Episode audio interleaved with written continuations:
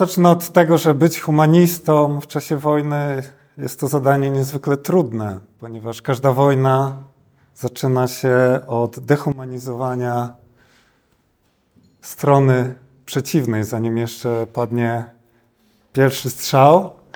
I prowadząc w ostatnich latach badania w Rosji, badania w Buriacji, badania w Tuwie, mimowolnie oglądałem rosyjską telewizję i obserwowałem, jak od 14 roku codziennie w e, takich seansach e, zbiorowej nienawiści, które przybierały e, formalnie postać talk show, tych Ukraińców dehumanizowano. I tutaj chciałbym się odnieść trochę do tego problemu, który profesor Bobako poruszyła, e, tego e, zagadnienia rasizmu. Otóż Rosjanie, e, a właściwie władze rosyjskie, szykując ten konflikt, teraz chyba nie ulega wątpliwości, że ta wojna nie jest dziełem przypadku ani spontanicznej decyzji Władimira Putina. Ona była systematycznie przygotowywana. Może na szczęście dla, e, dla nas i dla Ukrainy nie tak dobrze została przygotowana, jak się to e, prezydentowi rosyjskiemu wydawało, ale, ale szykowała się od dawna i zaczęła się właśnie od dehumanizacji. Problem polegał na tym, że i obiektywnie, kulturowo, i politycznie, ideologicznie Ukraińcy no nie są tak rasowo odmienni e, i nie aż tak bardzo kulturowo odmienni e, od Rosjan. Posiadali e, doświadczenie często traumatyczne wspólnego funkcjonowania w państwie rosyjskim, Związku Radzieckim, ale trzeba było ich jakoś zdehumanizować. E, trzeba było też usprawiedliwić jakąś tą, jakoś tą wojnę i to, że e, armia rosyjska okupowała od 14 roku nie tylko Krym, ale też tereny Donbasu, pozwoliło propagandzie powoli rozmywać granice, granice pomiędzy państwami, pomiędzy społeczeństwami, ponieważ po kilku latach e, nieustannej dyskusji e, w przestrzeni publicznej o Donbasie, o mieszkańcach Donbasu, e, Rosjanie, zauważyłem w pewnym momencie, przestali rozróżniać, co się dzieje w Rosji, a co się dzieje w Ukrainie. Dlatego zaczęli postrzegać Ukrainę jako wewnętrzne terytorium własnego państwa. Jakby to paradoksalnie e, nie brzmiało.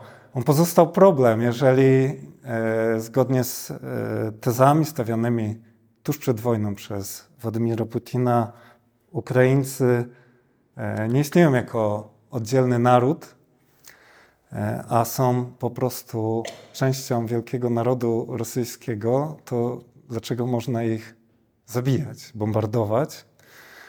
I tutaj oczywiście wiele, e, wiele dziwnych teorii było ze strony rosyjskiej e, postawionych. E, oczywiście w jakiś sposób ta idea fałszywej świadomości marksistowskiej była też używana, ale naj, największe wrażenie na mnie zrobiło właściwie wypowiedź telewizyjna rosyjskiego żołnierza sprzed bodajże dwóch tygodni, który powiedział, że Ukraińcy to Rosjanie, ale tacy Rosjanie, w których wszedł bies. I my tego biesa przyszliśmy wygonić. E, a więc ma, mamy problem. Z jednej strony twierdzimy, że ci ludzie są tacy sami jak my, a właściwie są nami, ale nie chcą być z nami. A z drugiej strony trzeba ich e, zdemonizować, zdehumanizować, żeby można E, dokonywać na nich tych wszystkich złych rzeczy, których e, teraz e, państwo i armia rosyjska dokonuje? Jak być tutaj humanistą? No, jako badacze, po pierwsze, w czasie wojny, no, naszym zadaniem jest śledzenie i badanie tego, co się dzieje z ludźmi, z człowiekiem i ze społeczeństwami. I tak jak profesor e, na początku e, naszego spotkania powiedział, zadaniem e, humanistów jest też szukanie jakichś scenariuszy, map drogowych, rozwiązań. Nie tylko w czasie wojny, ale scenariuszy tego, jak, jak zachować życie społeczne, odtworzyć je, jak żyć razem, albo jak żyć z sąsiadami po ustaniu konfliktu zbrojnego. I to jest e, ważne zadanie, e, bo my jako naukowcy mało możemy zrobić, e, żeby zakończyć ten konflikt zwycięsko dla Ukrainy, ale na potrzeby mojego wystąpienia założę, że Ukraina jednak wygra tę wojnę i obroni swoją niezależność. To nie jest oczywiste i e, jak widzieliśmy w ostatnich miesiącach, mm, sytuacje wojenne każą nam co, co miesiąc, co dwa miesiące całkowicie inaczej patrzeć na, e, na perspektywy i Europy, i, e, i całego, całego świata, bo przecież teraz wszyscy mamy z tyłu głowy pewnie potencjalny konflikt jądrowy, który, który może być kresem w ogóle e, cywilizacji, przynajmniej e, w tym sensie, jak ją rozumiemy, rozumiemy teraz. No i moje wystąpienie będzie poświęcone zmianie społecznej. E, zmianie w społeczeństwie ukraińskim i rosyjskim, która może nastąpić na skutek tej wojny, ale też w społeczeństwie polskim, które jako sąsiad e, Ukrainy też e, bardzo się zmienia pod wpływem tej wojny. I po pierwsze, chciałbym stwierdzić albo postawić tezę, że wraz z tegoroczną rosyjską inwazją na Ukrainie symbolicznie zakończył się okres zwany postsocjalizmem. E, dlaczego tak sądzę? No, ponieważ na naszych oczach całkowitej przemianie ulegają systemy wartości, relacje pomiędzy krajami i społeczeństwami byłego Związku Radzieckiego. I myślę, że pozycja Rosji się zmieni po tej wojnie. Przynajmniej mam taką nadzieję. E, relacje zależności władzy, relacje ekonomiczne i także wektory, w których e, będą zmierzać e, były państwa Związku, e, państwa byłego Związku Radzieckiego. I tutaj możemy patrzeć bardziej globalnie, bo e, nie tylko o Rosję, Ukrainę tu chodzi, ale e, też o były republiki środkowoazjatyckie, tak, które teraz są niepodległymi państwami. Mołdawia. Myślę, że dojdzie do takiego wielkiego przeramowania relacji, idei e, w, ty, w tym regionie świata.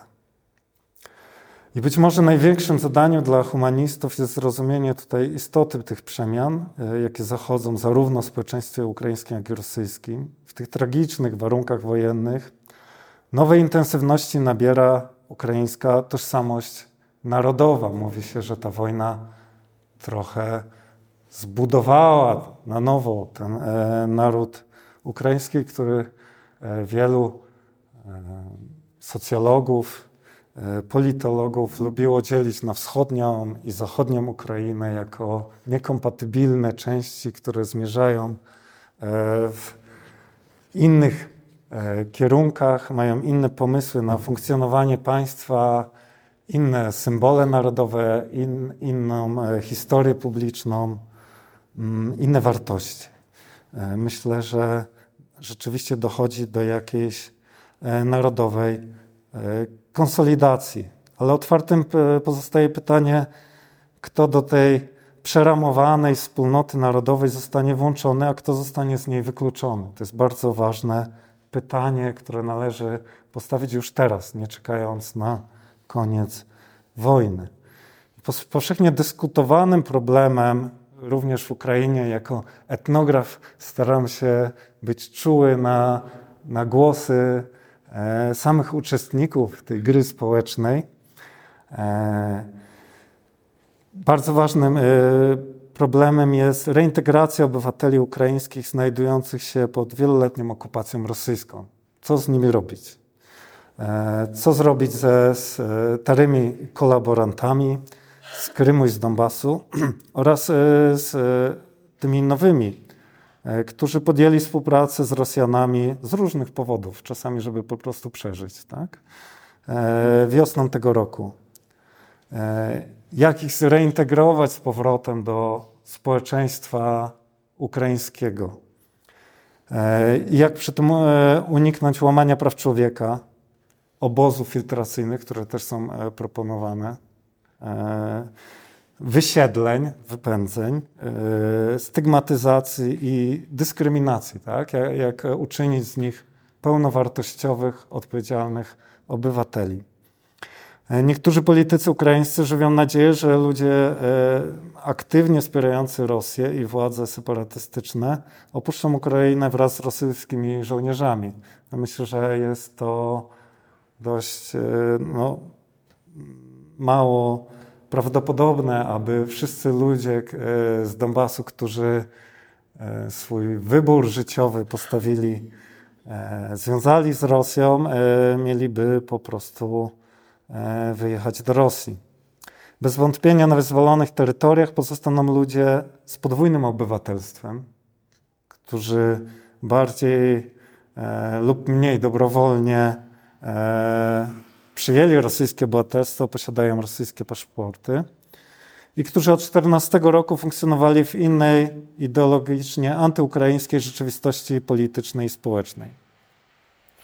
Czyli tutaj podstawowym pytaniem, które chciałbym poddać dyskusji, bo nie mam na to gotowych odpowiedzi, jest jak zreintegrować tych ludzi do społeczeństwa ukraińskiego w wypadku, kiedy rzeczywiście całość terytorium ukraińskich zostanie wyzwolonych spod okupacji rosyjskiej. Do jakich wzorców skutecznych praktyk e, w innych powojennych e, krajach warto się tutaj odnieść?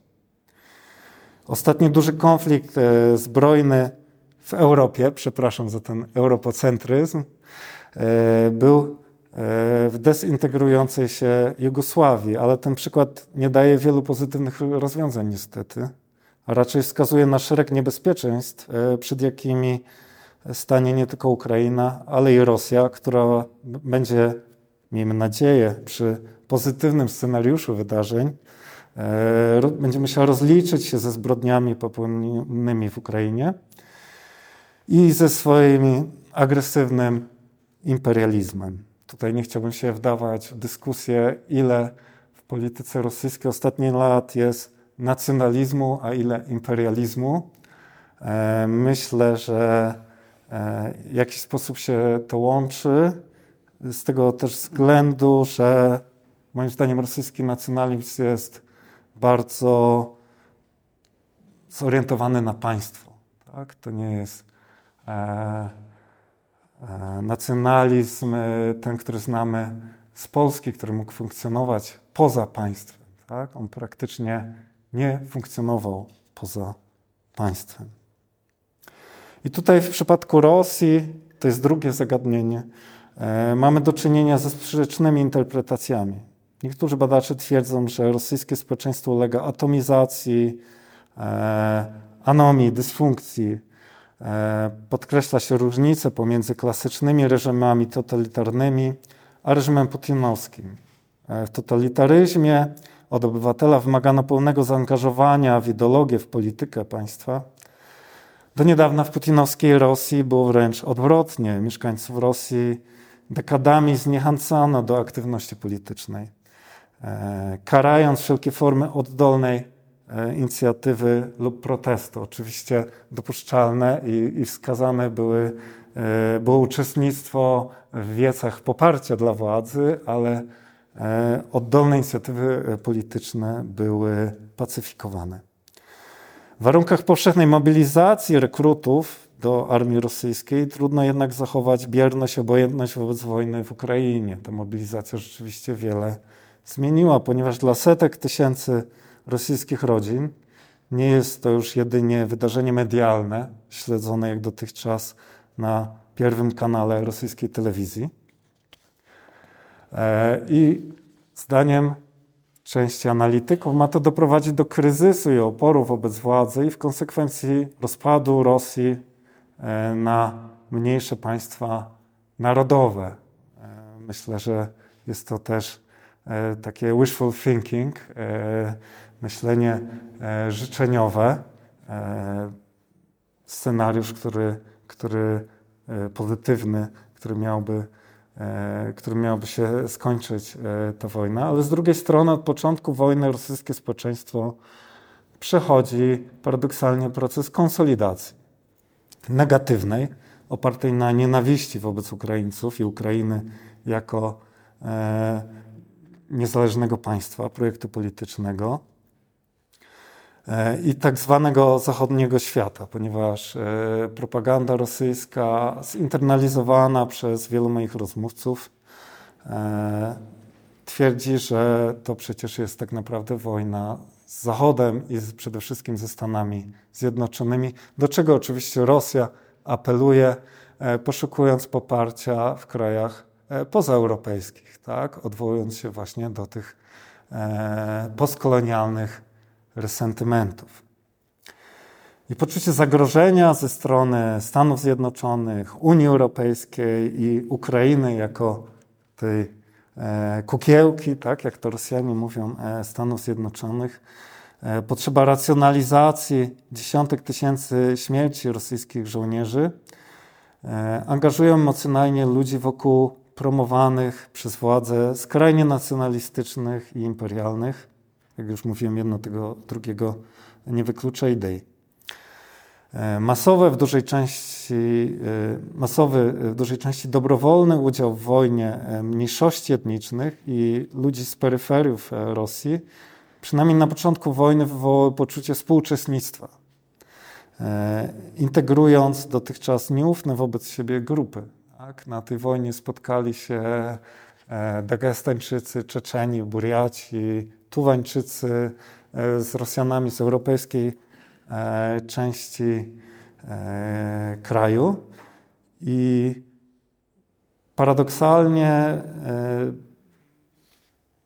powstało takie poczucie współ, współodpowiedzialności, współuczestnictwa w tym wielkim narodowym zrywie, który oczywiście my oceniamy bardzo negatywnie, widząc, widząc to, co armia rosyjska robi e, z ludnością e, cywilną e, Ukrainy. W którą stronę zatem zmierza rosyjskie społeczeństwo? To jest drugie pytanie.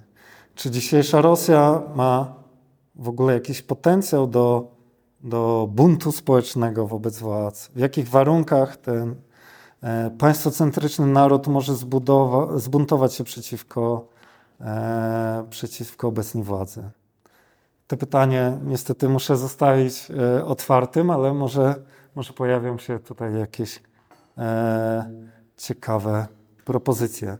I trzecim zagadnieniem, które chciałbym poruszyć, to kontekst naszego kraju, Polski. Wojna w Ukrainie zmieniła ramy naszej wyobraźni, tego, co może wydarzyć się e, we współczesnym świecie i, i, i w tym naszym bliskim świecie, w Europie, ponieważ chciałbym zaznaczyć, że e, armia rosyjska w podobnie bezwzględny sposób bombardowała Aleppo w Syrii i to budziło nasz sprzeciw na poziomie e, ekspresyjnym, e, ale było to dość daleko. Nie byli to niebiescy e, przysłowiowi e, blondyni.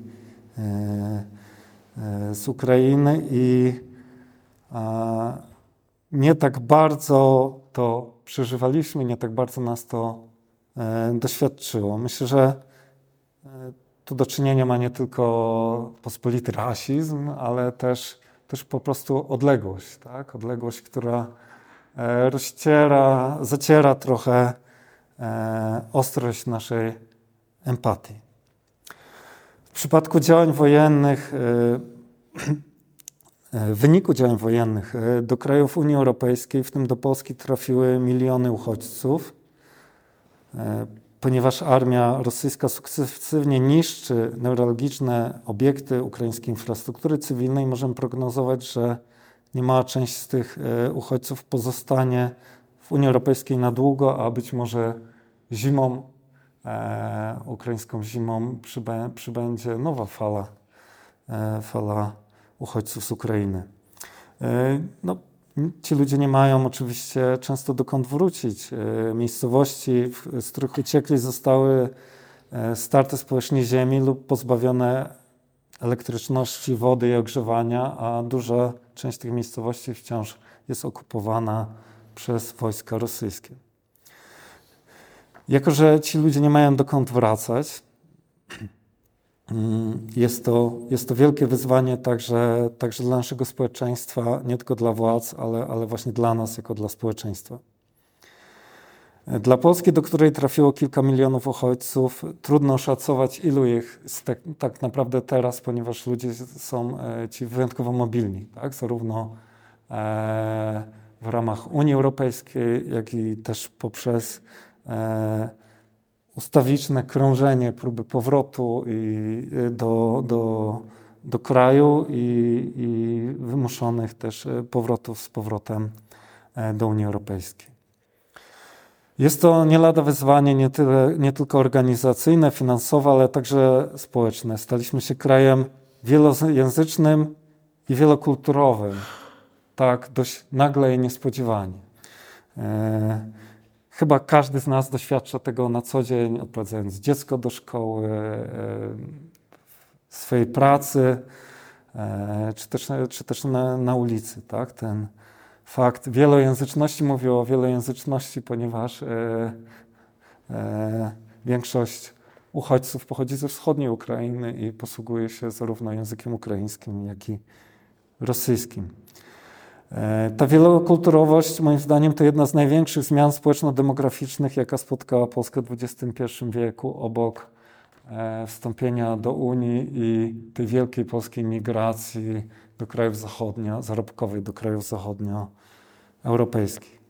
E, dotychczas większość wysiłków władz i organizacji pozarządowych miała charakter doraźny, taki ratunkowy, związany z zarządzaniem kryzysem uchodźczym, pomocy ludziom w legalizacji pobytu, zapewnienia im tymczasowego noclegu, miejsca zakwaterowania, podstawowych środków do życia. Oczywiście e, nasze władze miały nadzieję, że ludzie ci po dwóch miesiącach e, po prostu podejmą pracę i się całkowicie e, usamodzielnią, co w przypadku wielu ludzi, takich jak osoby z niepełnosprawnościami albo matek z z kilkorgiem dzieci y, oczywiście nie jest takie proste do wykonania. Wkrótce minie rok od y, przybycia pierwszej fali uchodźczej z Ukrainy i pora wypracować mechanizmy i strategie integracji społecznej, ekonomicznej i kulturowej osób z Ukrainy w Polsce, bo prawdopodobnie wielu z nich zostanie tutaj, o ile nie na stałe, to na bardzo długo. Być może potrzebujemy E, zatem jakiejś nowej wizji polskiego społeczeństwa, nowych symboli, odnośników, form, ram wspólnotowości. I to jest moje trzecie duże pytanie. Tak? Czy, e, czy powinniśmy e, jakoś na nowo przemyśleć tą, tą naszą wspólnotę narodową, e, nasze społeczeństwo i wobec tego, e, w którym kierunku miałoby to iść?